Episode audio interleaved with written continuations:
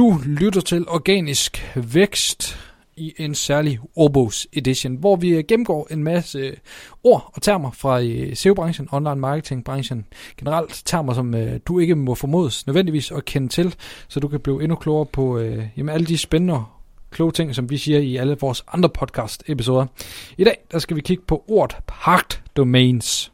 Ja, og øh, parket domains, altså parkeret domæne, er en, øh, øh, i forhold til og rankings, det er det en, øh, der har Google været inde og lavet en, øh,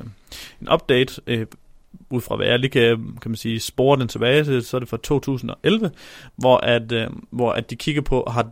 at den her, at den her domæne går i stå, øh, er det parkeret, øh, og det skal trække ned hvilket egentlig også er meget logisk, men man kan se i Googles seneste general guidelines, er, at hvis øh, folk stopper med at vedligeholde en side,